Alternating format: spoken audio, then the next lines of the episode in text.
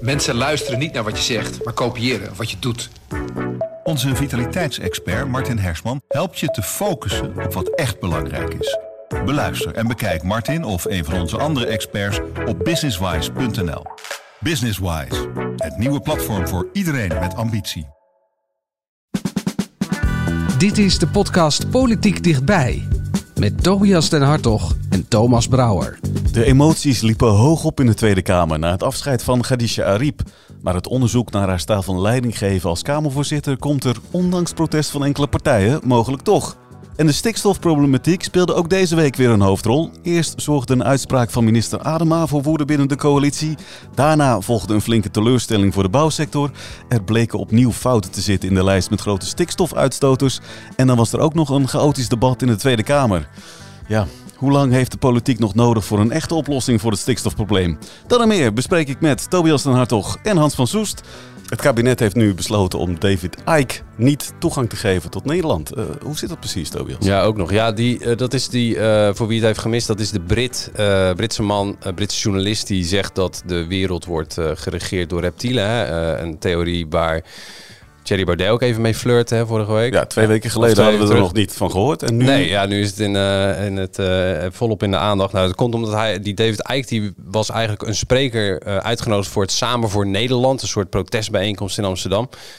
samen voor Nederland, maar eigenlijk tegen alles. Tegen van alles in ieder geval. Maar die Eyck is ook, die heeft ook in het verleden antisemitische uitspraken gedaan. En daarvan zegt het kabinet nu, ja, dit gaat een, een, een probleem geven voor de openbare orde. Dus is hij niet welkom. En ja, ik vond het wel grappig, het, het comité van dat dat uh, Samen voor Nederland was, uh, zei... oh, we zijn helemaal verrast. Nou ja, dit speelt al twee weken dat, uh, dat uh, geprobeerd wordt om die man te weren. Dus ja, zo verrast zullen ze niet zijn geweest. Maar uh, dit is de uitkomst eigenlijk. Maar toch, zo vaak gebeurt het niet, Hans, dat het kabinet echt iemand de toegang tot Nederland ontzegt. Het gebeurt een enkele keer met, ja, een, ik, uh, ik, met een imam die lelijke dingen roept over LHBTI'ers die van een dak moeten worden gegooid. Maar verder ja. is het inderdaad redelijk uitzonderlijk. Ja, de laatste ja. keer dat echt heel veel fus over was, was in 2017 toen die Turkse minister van Buitenlandse Zaken werd geweerd. Die wilde hier campagne voeren in Rotterdam. En toen zei Rotterdam van ja, dat gaat zoveel gedoe opleveren, dus die, die is niet welkom. Dat was een soort diplomatieke rel. Dus het gebeurt ook wel eens uh, met uh, ministers bijvoorbeeld. Maar het is vrij zeldzaam. Ja, wat zegt het dan dat het nu gebeurt? Dat ze bang zijn voor onlusten. Ja, dat zegt het. Ja, en ik denk ook die, die antisemitische component, dat is wel ja,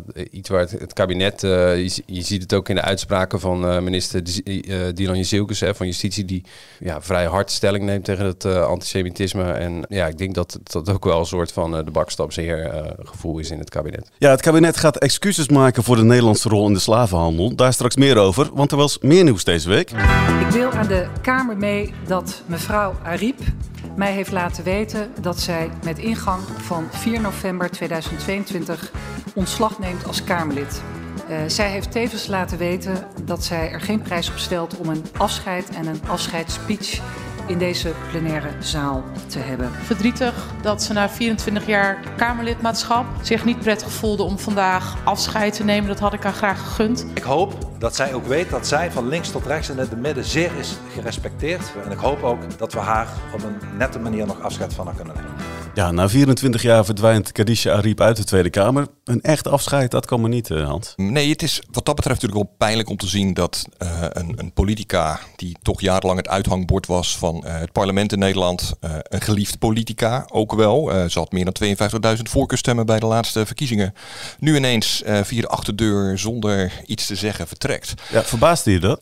nee, eigenlijk niet. In de, we hebben heel kort contact met haar gehad de afgelopen weken sinds dit speelde. En zij is gewoon, uh, ze is heel boos en uh, teleurgesteld. Zij voelt zich eigenlijk gewoon veroordeeld uh, al voor dat zij zich in het verleden zou hebben misdragen als Kamervoorzitter tegen Kamerpersoneel. Dat is althans waar ze van wordt beschuldigd in anonieme beschuldigingen door personeelsleden in een brief aan het huidige presidium. Nou, dat lekte uit dat dat huidige presidium daar een onderzoek naar gaat instellen.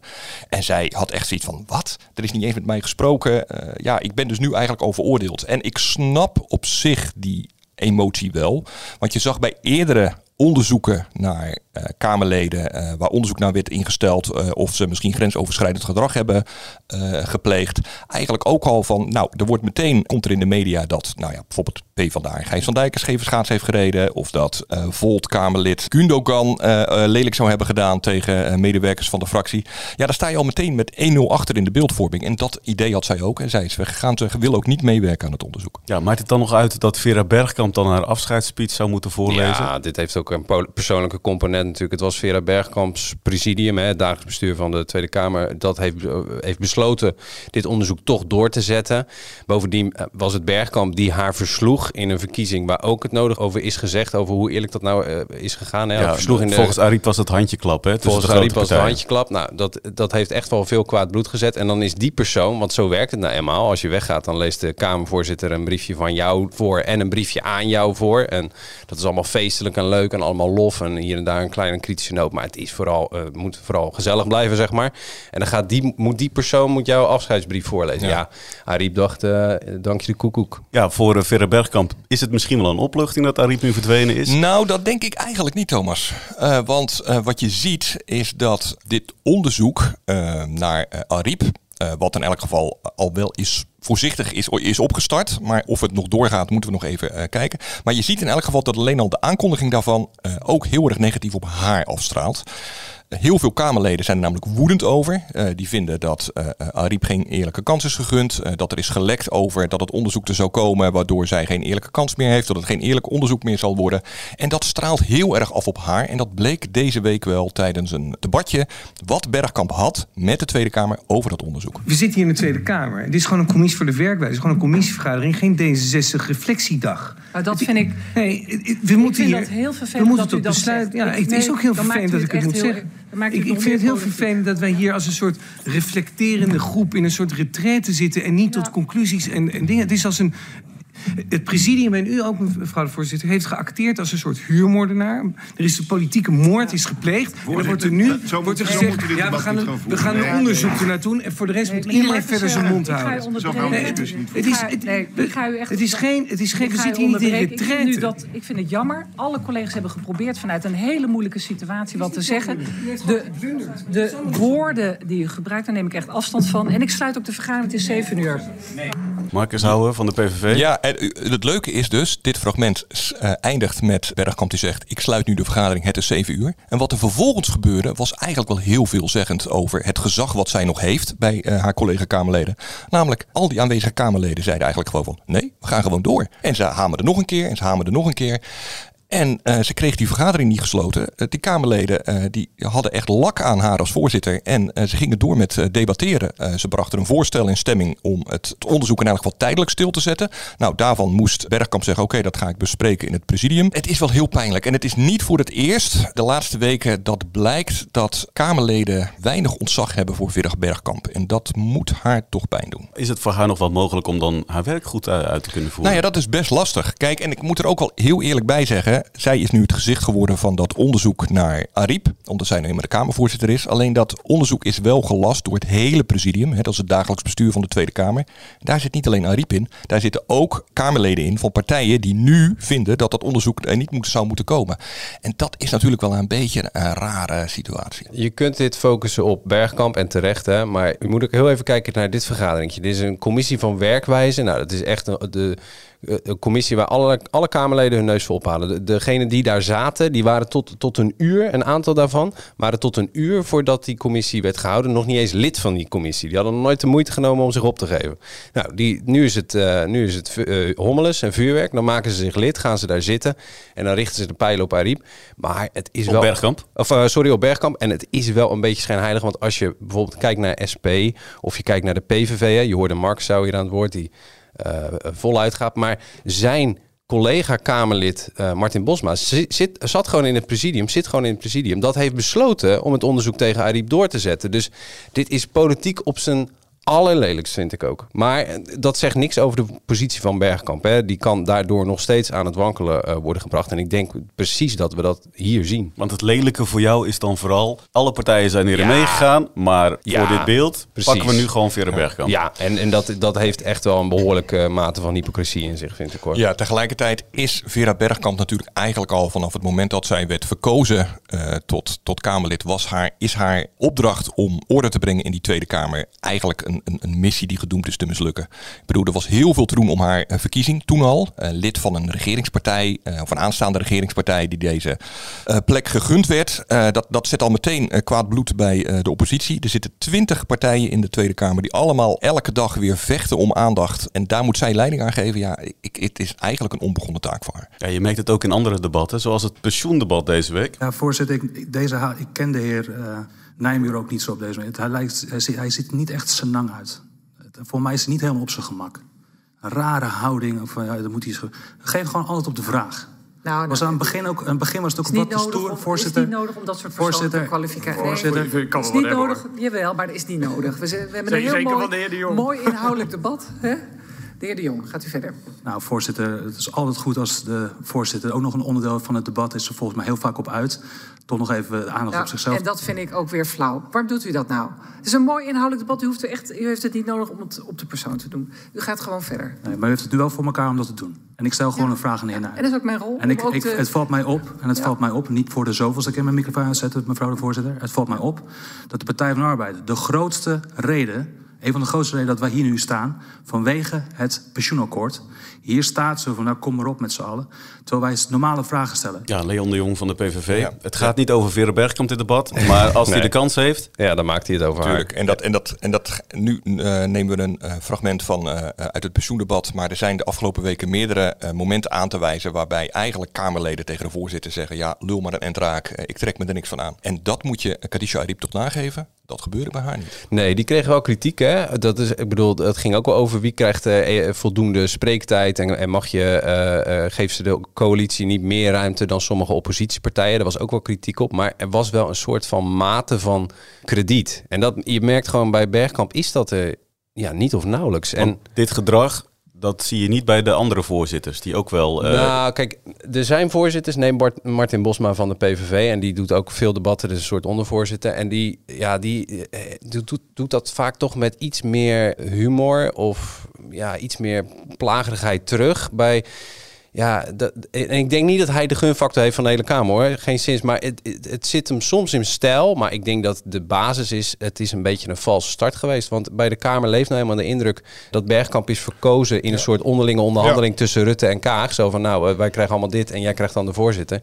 En dat, dat, dat is nooit meer helemaal weggegaan. Ja, Bergkamp heeft nu dan het frame uh, ongeschikt bij een deel van de Kamer, een groot deel van de Kamer. Kom je daar nog vanaf? Kan je daar nog los van komen? Is er nog iets voor Bergkamp om straks gewoon op een normale manier te kunnen functioneren? Ja, tuurlijk kan dat. Uh, maar het is wel heel moeilijk. Hoe doe je dat? Ja, uh, doordouwen denk ik. Gewoon ja, doordouwen en uh, je tanden laten zien. Dat is het enige wat, wat je kunt doen. En doet ze dat dan nu op een voldoende manier als je deze fragmenten nu zal horen? Nou ja, als dadelijk het presidium bijvoorbeeld zou besluiten om dat onderzoek naar Ariep toch niet door te laten gaan. Wat zomaar zou kunnen, hè, want ze zijn er nog over aan het overleggen. Ze komen er binnenkort op terug. Ja, dan is dat wel meteen weer gezichtsverlies. Dus dit, dat maakt het allemaal nog ingewikkelder. Er staat inmiddels is dat, dat hele onderzoek naar Riep ook een soort van prestige uh, kwestie geworden. Het is inderdaad, Tobias zei het net al, politiek op zijn allerlelijkst. De commissie heeft eigenlijk besloten om het nu uit te stellen. Uh, wanneer gaat dit nu verder? Nou ja, nou ja, er moet een besluit over worden genomen in datzelfde presidium weer. Dus dat, en dat, dat, is, dat, dat maakt het best wel gemankeerd. Hè? Want die hebben eigenlijk al besloten, we gaan het doen. Nou komt de Kamer en zegt, nou moeten we het niet opschorten. En dan moet het presidium dus misschien terugkomen op de eigen uh, beslissing. Of niet. En dat is ook nog eens qua stemverhouding. Kijk, je hoort Mark zou nu zeggen van... Uh, wat is het voor een praatclubje en wat onzin allemaal.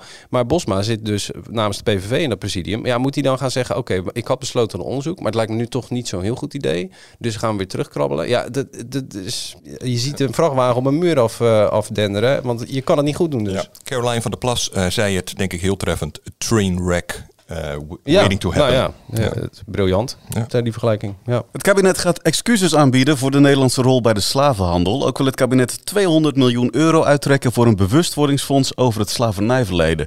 Ja, Tobias, waarom dit besluit? Nou ja, kijk, die roep klinkt al heel lang hè, uh, om, om uh, dat gebaar te maken. En daar is in het kabinet tot dusver, Rutte zei het, als historicus had hij er echt bedenkingen bij. want, sorry zeggen voor iets van, van zo lang geleden. En wat je ook in de context van die tijd moeten zien, daar voelde zij zich niet zo lang bij, vat ik even samen hoor.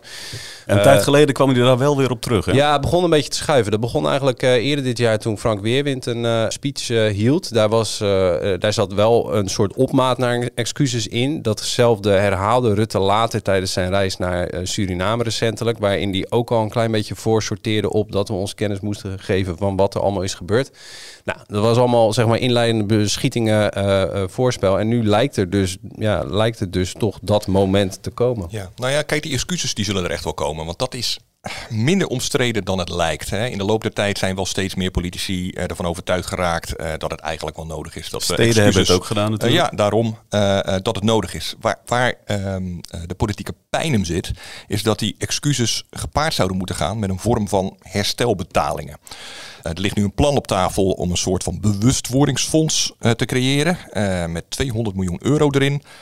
Maar waar dat fonds dan voor bedoeld is, uh, ja, daar zouden dan lespakketten of uh, voorlichting of festivals of noem maar op. Ja, het, het is allemaal nog heel vaag. En dat, dat ligt met name heel erg uh, gevoelig bij partijen die zeggen: ja, hallo, moeten we nou ook nog eens een keer belastinggeld gaan betalen voor iets waar de huidige generatie mensen part nog deel aan heeft uh, gehad. Aan mensen die uh, in hun ogen er ook part nog deel aan hebben gehad.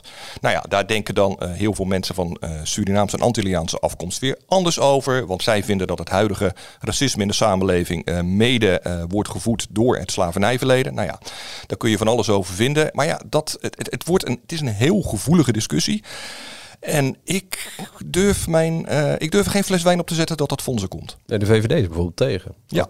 Die waren gisteren vrij fel. En dat is toch de grootste uh, regeringspartij.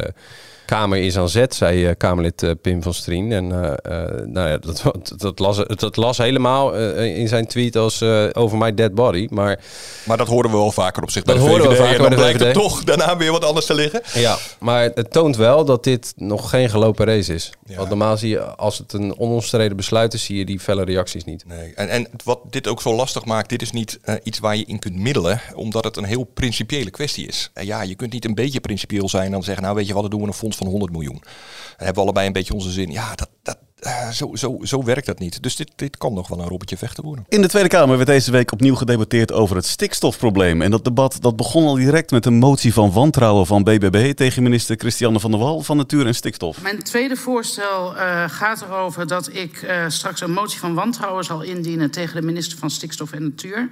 En ik wil daar graag al vandaag over stemmen. Ja, voorzitter, geen stem. We hebben nog niet eens een debat gehad. Dus gewoon dinsdag stemmen. De heer Boswijk, CDA. Ja, voorzitter, ik vind dat we onszelf ook serieus moeten nemen in deze Tweede Kamer. Uh, er komt enorm veel op het boerenerf af en er is enorm veel onzekerheid. De mensen thuis hebben recht op een goed debat, inhoudelijk debat. Laten we dat eerst voeren. En ik vind het echt een, ja, ook een motie van wantrouwen naar onszelf. Als we al beginnen met een motie van wantrouwen voordat we überhaupt de discussie hebben geopend. Dus Dank geen, geen steun. Ja, Hans, ik zag je al glimlachen. Ja, ik bedoel, we hadden het net over politiek op zijn lelijkst. Dit is natuurlijk ook weer wat je denkt van ja, jongens, waarom doen we dit? Weet je wel, uh, je haalt er even de, uh, de media bij, maar Van der Plas zei ook zelf al direct. Ik weet ook wel dat het geen meerderheid zou gaan halen. Waarom doe je het dan? Ja, om even een statement af te geven voor je achterban. Ja, is ja, dat de enige reden dan? Ja, het brengt het, een, een oplossing in dit probleem allemaal niet dichterbij natuurlijk. En de, het probleem, en dat werd gisteren in dat stikstofdebat wel weer duidelijk. De Kamer is gewoon op het bot verdeeld. Al die twintig partijen denken anders over, nou ja, niet alle twintig, maar uh, in elk geval, er is geen, voor geen enkele oplossing een meerderheid te vinden. En dat is echt wel heel, heel pijnlijk uh, nadat we uh, vier jaar geleden, wat zeg ik? Nee, drieënhalf jaar geleden door de rechter al op de vingers zijn getikt en het stikstofbeleid van het toenmalige kabinet uh, uh, van tafel werd geveegd. En sindsdien zijn we gewoon op zoek naar oplossingen. En die zijn er nog niet. Dan is er afgelopen zomer een stikstofbemiddelaar Johan Remkes aangesteld. Die kwam ook weer met een rapport. Uh, daarvan zei iedereen dankjewel. Maar we zijn het nog steeds oneens met elkaar. Wat heeft dat rapport van Remkes dan uiteindelijk geholpen? Nou ja, je ziet hier eigenlijk... De, kijk, dit debat begon om drie uur en het eindigt om twee uur. En eigenlijk zie je hier de uitgesmeerde versie van de reacties die direct na het rapport Remkes kwamen. Remkes in een zaaltje, daarna heeft iedereen heeft het samenvatting ingelezen. En dan kwamen ze allemaal voor de camera's. En dan zei BBB, nou, dit vinden we een uitstekend rapport. En GroenLinks zei, nou, we vinden dit een uitstekend rapport. Dat was namelijk de makke van de uitkomsten van rapport Remkes. Ja, je kan er, uh, je kan er goed nieuws voor iedereen in lezen. En slecht nieuws voor iedereen. Dus dat deed iedereen legde het op zijn eigen manier uit. En nu zag je eigenlijk in het debat de uitgesmeerde versie daarvan. Ze hebben, ze hebben uh, urenlang uh, gewoon de passages voorgelezen van Remkes die ze heel prettig vonden. En de andere, andere delen gewoon weggelaten. En dat betekent dat de oplossing voor het probleem uh, niet dichterbij is. Ik denk dat je vooral tijd hebt gekocht en boeren van de snelweg hebt gekregen met Remkes. Maar politiek gezien ligt het nog steeds hypergevoelig uh, wat je gaat doen. Ja, en uh, Christiane van der Wal, de minister van Natuur en Stikstof, die zei afgelopen woensdag dat het kabinet nog deze maand met een, een oplossing zal komen, met een nieuwe aanpak om de stikstofuitstoot in Nederland naar beneden te krijgen. En ze beweren daarbij dat uh, iedereen in het kabinet uh, er echt van doordrongen is dat er nu echt haast moet worden gemaakt. Maar je zag in haar ogen dat ze zelf ook al wist van ja, we zijn weliswaar doordrongen van de noodzaak. Maar ehm, wat dan de oplossing is, daar denken alle vier de regeringspartijen echt anders over. Dat bleek ook weer in het debat gisteren. D66 zegt we moeten nu echt haast maken met verkleining van de veestapel. en de ChristenUnie zegt jongens, we moeten niet op boerderijen gaan jagen. Ja, nou ja, dat is, kom er maar eens uit. Ja, dat is niet te doen. En zeker. En er is wel haast bij, want afgelopen woensdag heeft de rechter, eh, eh, nadat het vorige stikstofbeleid eh, van tafel was geveegd door de rechter, is er een soort van noodwet gekomen. Die is nu ook door de rechter van tafel geveegd. En het hele land dreigt weer gewoon op slot te vallen. De uitspraak luidt als volgt. De bouwvrijstelling voldoet niet aan de eisen van het Europese natuurbeschermingsrecht en mag daarom niet worden gebruikt. En dat oordeel is gebaseerd op de rechtspraak van het Europese Hof van Justitie in Luxemburg. Dat hof heeft eerder bepaald dat alleen toestemming voor een project mag worden gegeven als zeker is dat in geen enkel beschermd natuurgebied, zogenaamde Natura 2000 gebieden, daardoor schade zal optreden. En die zekerheid geeft die algemene wettelijke bouwvrijstelling niet. Ja, de Raad van State oordeelde deze week dat de zogeheten bouwvrijstelling niet voldoet aan het Europese recht. Eerst maar eens even die bouwvrijstelling. Wat is dat eigenlijk? Nou ja, um, het heel simpel uit te leggen. Uh, nadat in 2019 de rechter het stikstofbeleid uh, van, de rechter, uh, of van, van het kabinet van tafel veegde, dreigde er een complete stilstand in de bouw. nou ja, pijnlijk, want we hebben een enorm woningtekort. dus moest het kabinet twee dingen doen.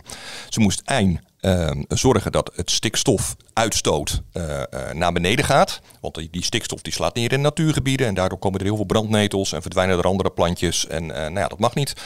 En het tweede is, want ja, die stikstof heb je niet van op vandaag of morgen die uitstoot naar beneden. Of je moet ruksikloos alle fabrieken in Nederland willen sluiten. Nou dat wil ook niemand. dus moet je in de tussentijd een, een soort van noodoplossing hebben. Nou, die noodoplossing hadden ze bedacht en dat heette de zogeheten bouwvreestelling. En wat hadden ze bedacht wettelijk? Dat bij het bepalen van de stikstofuitstoot je de stikstof die vrijkomt bij de bouw zelf. Hè, dus uh, stel, er wordt hier in Rotterdam wordt er een woonwijk gebouwd. En ja, daar staan betonmolens te draaien, daar rijden vrachtwagens heen en weer. Daar komt stikstof bij vrij. Die stikstof, die hoef je niet mee te tellen. Nou, daar zijn uh, actievoerders waren daarop tegen. En die hebben één project in de Rotterdamse haven. Uh, waar een terminal wordt aangelegd om CO2 in onder de grond van de Noordzee uh, te pompen. aangepakt om te zeggen, kijk, daar wordt een grote pomp gebouwd. Bij het aanleggen van die bouwen van die pomp komt er stikstof vrij. Die slaat neer in een nabijgelegen natuurgebied. en dat mag niet. En de rechter heeft de activisten daarin gelijk gegeven. Die heeft gezegd, luister eens, leuk dat je kabinet, dat jullie zeggen van dit hoef je niet mee te tellen. Maar wij vinden dat je dat wel moet meetellen. En uh, meteen uh, uh, dreigt dus de hele bouw weer op zijn gat te liggen. Minister van Volkshuisvesting Hugo de Jonge zag ik zag hem afgelopen woensdagmiddag na die uitspraak. Hij zag eerlijk gezegd lijkwit. Ook al had hij het zien aankomen, zei hij. Dan nog, hij stond echt strak van de stress. En ik begrijp het ook eerlijk wel, want het kabinet zit echt met een acuut probleem. Uh, we moeten uh, uh, tot en met 2030 900.000 woningen bouwen. er is een enorm tekort, iedereen staat op een enorme wachtlijst. het is echt het probleem nummer één waar kiezers zich zorgen over maken, blijkt uit elk onderzoek weer.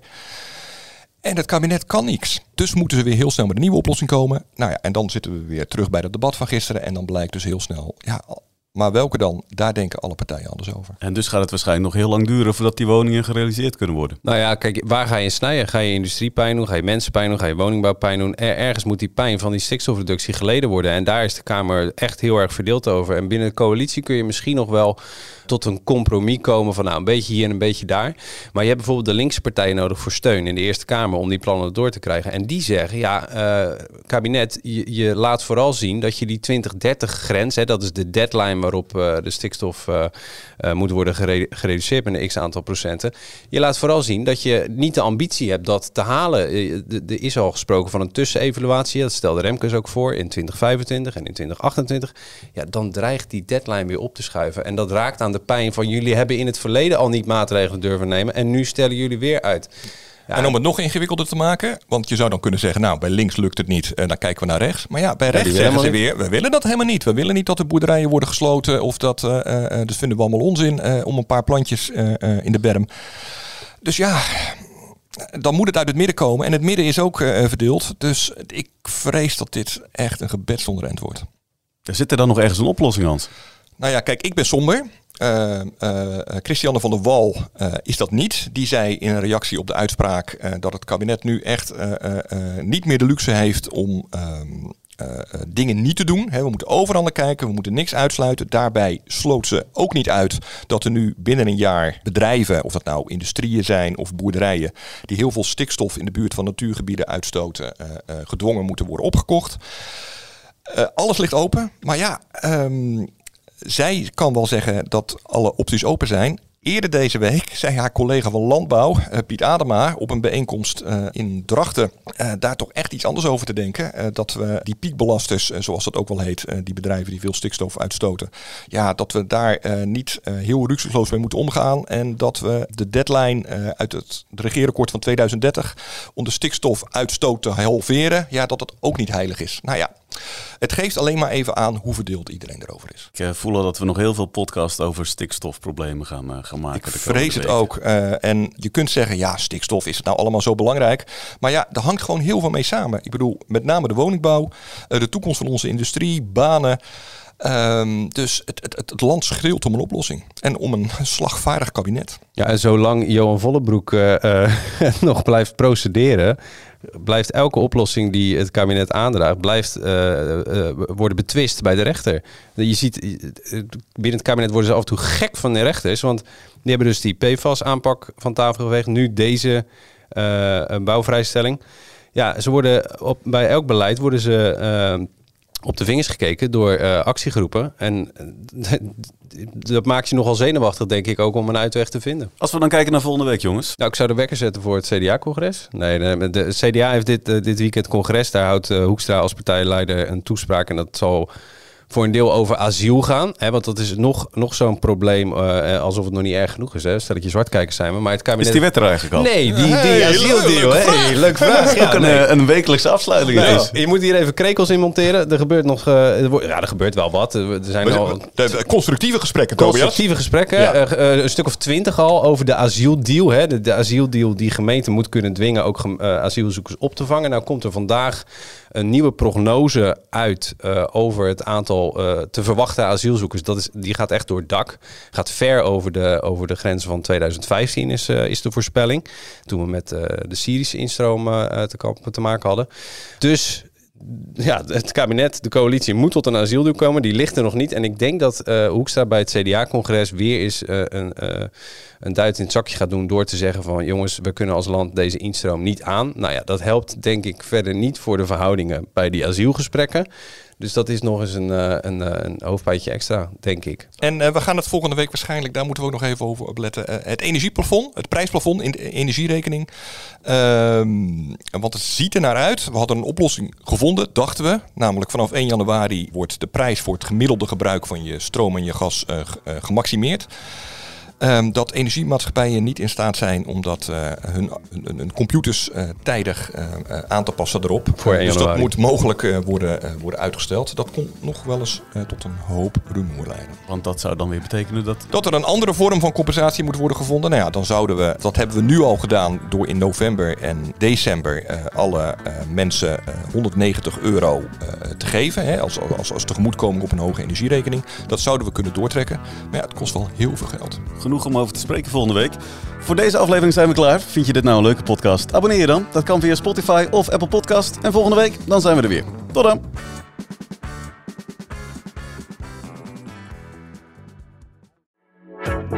Mensen luisteren niet naar wat je zegt, maar kopiëren wat je doet. Onze vitaliteitsexpert Martin Hersman helpt je te focussen op wat echt belangrijk is.